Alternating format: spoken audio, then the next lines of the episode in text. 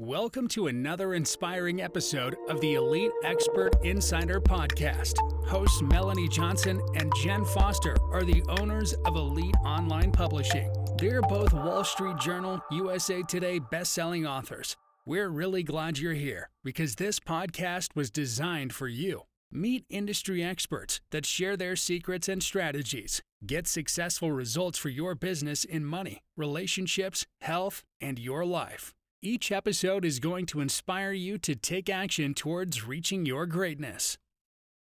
Hey everyone, it's Melanie Johnson. Thanks for joining us today for another great podcast. We hope you're having a super day. Jen Foster, my co-owner with Elite Online Publishing is here. Hey Jen, how you doing? Doing great today. Thanks, Melanie. I just want to tell you, we are going to go over some fantastic things. Some of you don't even know what a COO of a company is. So we are going to go into a deep dive of things of how to enhance your delivery, how to do price increase strategies, implement sales process, staffing, accountability, productivity. Do you sound overwhelmed already? So, if you do, we have someone, Valerie Hayes, who's going to simplify all of that for you. And she does a fractional COO. She comes in and helps business owners streamline all of that and make your business more productive and just go through all those processes that can be overwhelming for you. So let's take a deep dive and learn what a COO is and actually does and what can it do to benefit your company. Valerie, thanks for joining us today. Thanks so much for having me, Melanie. I'm so excited to be here with both you and Jen. Well, tell us, Valerie, a little bit of your background and how you got into this industry. Sure. So I was in corporate America for almost uh, 20 years, working for three different Fortune 500 companies in very different businesses. And I was a human resources executive, but I wasn't that kind of human resources executive who just does administrative work. I was mm. solving business problems by making sure we are organized correctly and we're utilizing the resources available. And I got to a point where, you know how it is, you feel that you've hit that glass ceiling and mm. you feel like you're working all the time, making other people wealthy. And so I decided to start my own business, which I did in 2002. And within five years, I became one of the top three leaders in my field nationally. And I continued that business. It's a very niche part of high performance coaching public speaking coaching, very niche area. And with COVID, not a huge surprise, the public speaking thing just totally imploded, totally collapsed. And so I thought, okay, I'm going to take this time to brush up on some of my skills so that when COVID's over, I'm ready to jump back in. And so I was taking some online courses and coaching programs. And I noticed that a lot of the small business owners in the programs could not implement any of the ideas. They understood what they were supposed to be doing, but they couldn't actually do it. And it was all mm-hmm. sales and marketing related stuff. So they couldn't grow their business. And I could tell that they, what they didn't understand was because they didn't have the proper infrastructure in place, they didn't have the right team, they didn't have routine processes and procedures, they didn't have a good mindset, the leadership was lacking. And I could tell that that they didn't understand and the coach couldn't understand either why they weren't able to implement things. And you could tell by the look on the faces they were just frustrated and confused and disappointed that they weren't getting out of the course what they thought they were. And I always believe one believes, right, that the reason one becomes a national leader in one niche is because one's good at that actual skill, right? We hope that's true. But for me, the reason why I was able to quickly advance over some of my competitors was because I ran my business really well. Mm-hmm. Because we all get into business because we love this particular skill or area of expertise that we want to do. And we tend to focus all our time on that. But I also focused time on running my business, which is why I became so financially successful and mm-hmm. recognized, right? And so I decided, okay, I'm going to put my money where my mouth is. And I hung out my shingle as a fractional COO to help business owners understand what they need in place to be able to actually grow their business. So tell me, let's dive into processes because I just feel like that's such a huge thing. When we really started paying attention to our processes and diving in that, all of a sudden I felt a whole shift in our company. So when you walk into an organization, what is the first thing that you do and that you are finding in their processes? And what is most of the things that are lacking that make the biggest difference when they implement? That is a great question because most people try to start with processes and actually, you have to start with the people.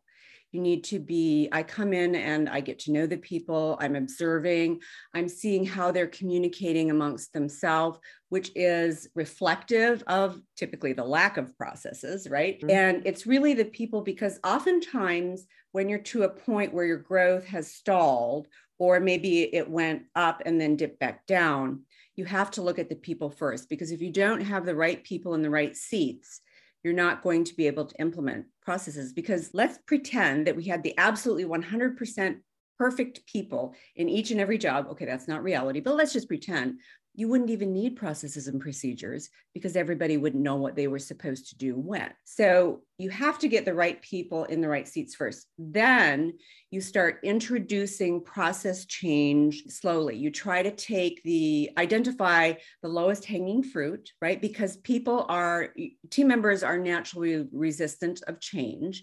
They mm-hmm. feel like pro- they're even though you can tell them 4,000 times that processes and procedures are meant to improve the business they think it's a way to trap them and criticize their performance, right? This is a natural human nature to assume the negative.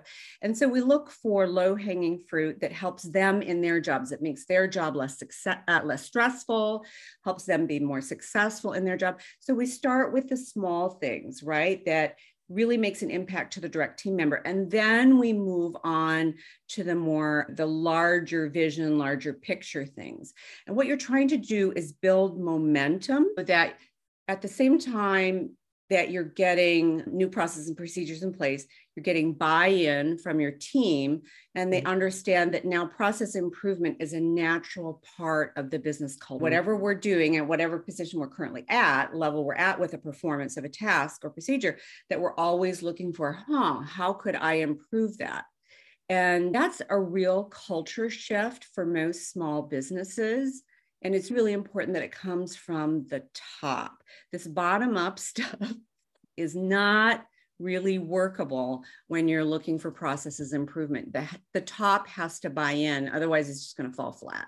So, when you say you start with people, is it hard sometimes because there's some people in the organization that don't need to be working there, the staffing part of it? I know for us, it's always hard for me to fire people. It is challenging, especially when people have worked in an organization for a long time, their skills are no longer a fit, or the business has continued to grow, but that individual has not grown their skills and there's a personal relationship. But here's the thing in 20 years of human resources, what I've realized is that I never once fired someone who wasn't unhappy in their job and mm-hmm. didn't know at some level that they weren't really cutting it and this wasn't a great fit for them. So mm-hmm. the sooner that you can acknowledge that and then help transition them from the organization, not just, okay, you're fired today and out you go, right? Yeah. But if you can say, hey, we don't see this as a fit for you, we're moving this direction, you seem to be going in that direction. How can we support you? How can we make this easy for you to move on? Which we all try to that conversation or dodge that conversation. But the sooner you have that conversation, the sooner you're going to be able to resolve the issue for you and help them move on to a position that they can actually be successful mm-hmm. in, which is really better for them too. Yeah. And I notice you talk a lot about metrics, whether it's in sales and productivity, accountability, break that down of you have to have income right to make everything else go because if you don't have people coming in the door then the rest of the process don't get implemented so kind of let's start with the sales in how do you make great processes and implement them in the sales process what's really interesting is most small businesses obviously everyone wants to grow sales right mm-hmm. vast majority of small businesses probably $2 million or less are not tracking sales they're not tracking where their leads are coming from they're not qualifying their leads. So they end up working with customers that are not their ideal customer and sort of a pain in the you know what. And they aren't tracking how much it costs them to generate a lead, how much it costs them to close a deal, and then how much they're spending on the delivery of that deal, whether it's a product or a service. Mm-hmm. And so, what I try to do as quickly as possible is get people focused on one primary lead source. That might be a website, it mm-hmm. might be your Instagram, social media, especially if you're an influencer, but you it could be client referral. I have a client who does almost all her work via client referral, which is great. And so you try to identify your one primary lead source, and then you put metrics in place to track how that lead comes in and what that what happens to that lead during the sales process, right? And by tracking the lead, you're going to see where you have holes or shortcomings in your sales process that, that mm-hmm. you can then tweak. If you try to put metrics in place for three or four lead sources, your team is going to tip over. It's going to be really hard and it's not, you're not going to be able to put metrics in place as quickly. So if you can put metrics and a sales process in place for that one primary lead source, then the team is going to understand how to quickly use the, that same process of metrics and tracking of the sales process for your other lead sources. The vast majority of small businesses have two to three lead sources. Mm-hmm. So really, once you get that primary lead source all set up, you've really only got to reproduce it for two more.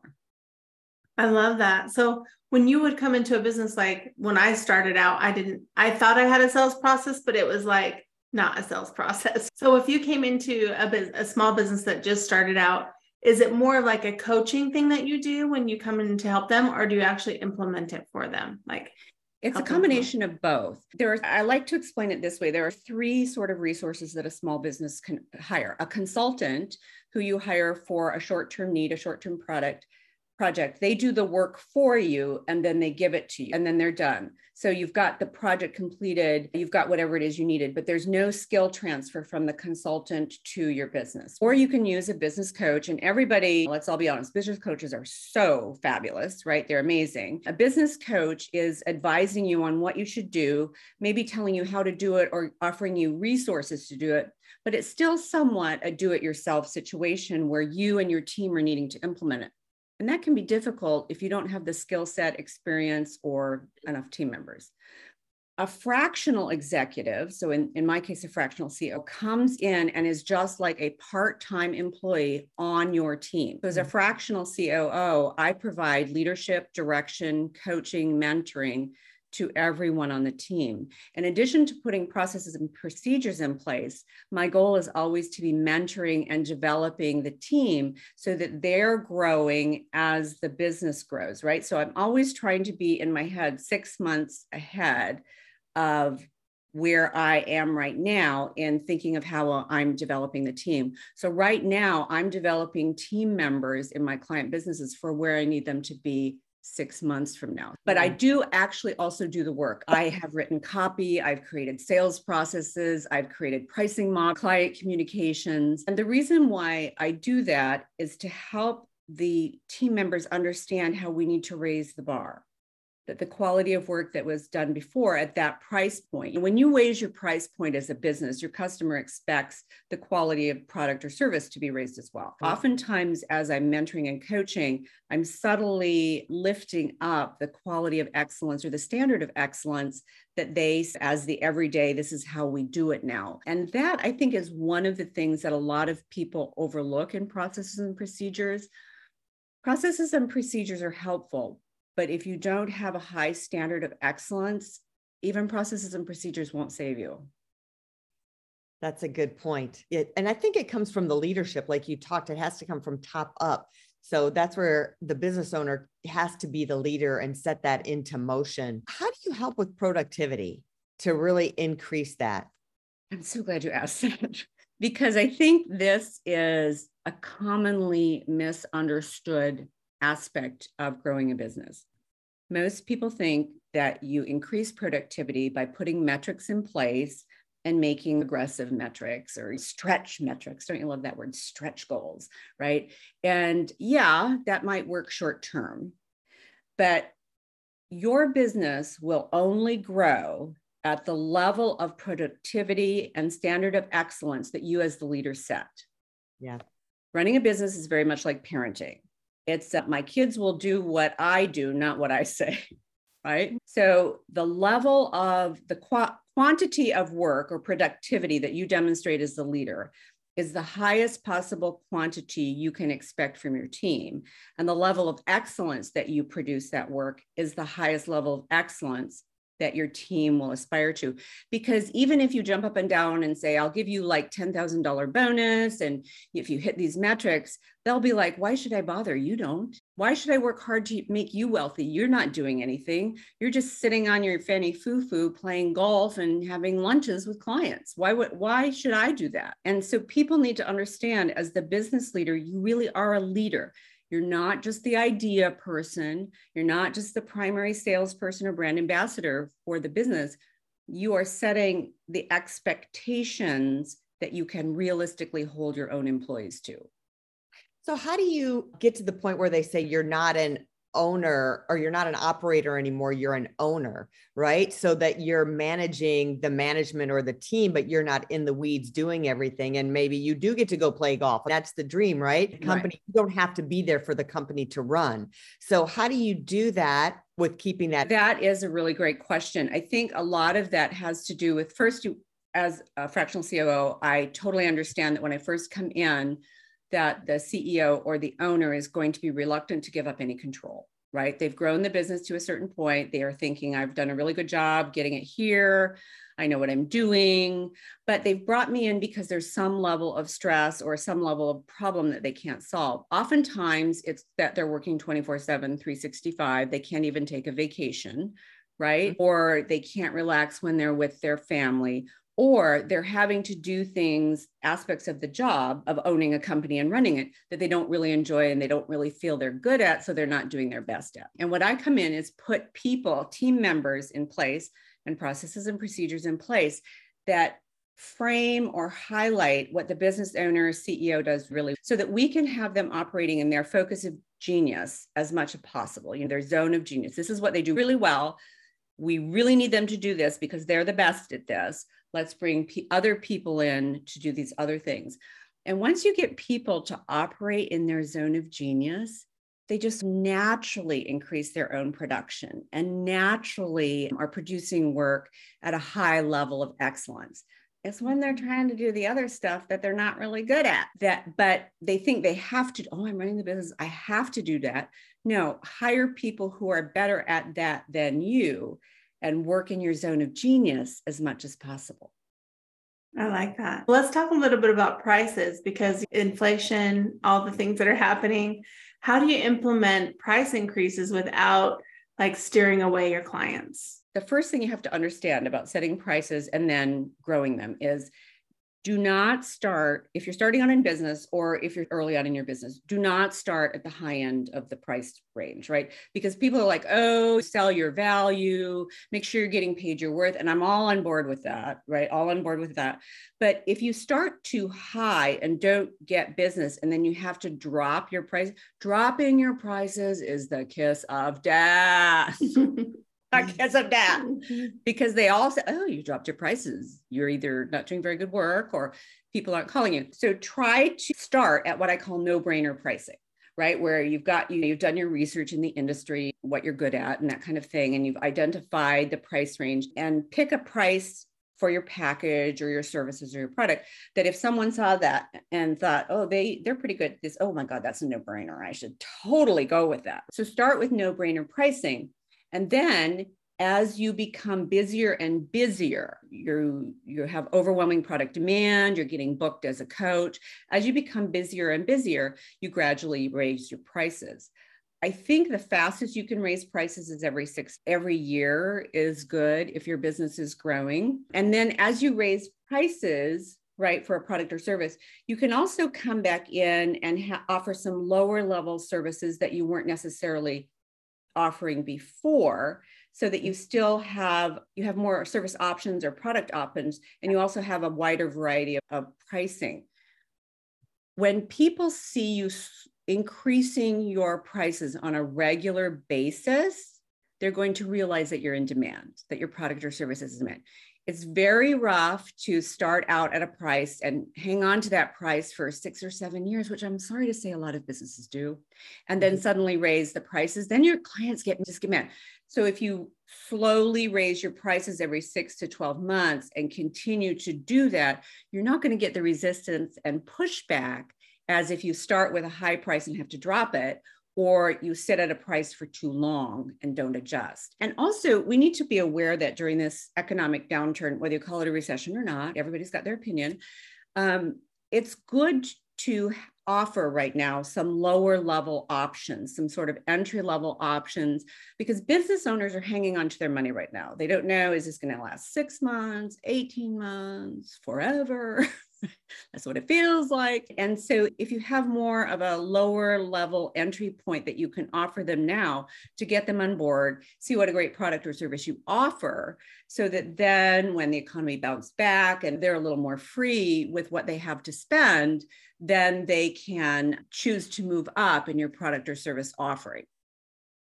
That makes sense. And we always say a good excuse to raise your prices is when you become a best selling author, because now all of a sudden you've gained this credibility in the marketplace and you've become an expert. And so it gives, it's that value. It's okay. You can see that now I have, I've got this other status that I can raise my prices. This has been so great. You've given, I've got a whole page and a half of notes. So this has been outstanding. Tell us where people can find you, Valerie. I'm most actively on LinkedIn. You can find me if you do a search on fractional COO, you can find me or Valerie Hayes. I like to make things simple, Valerie Hayes. And my website, again, simple, valeriehayes.com.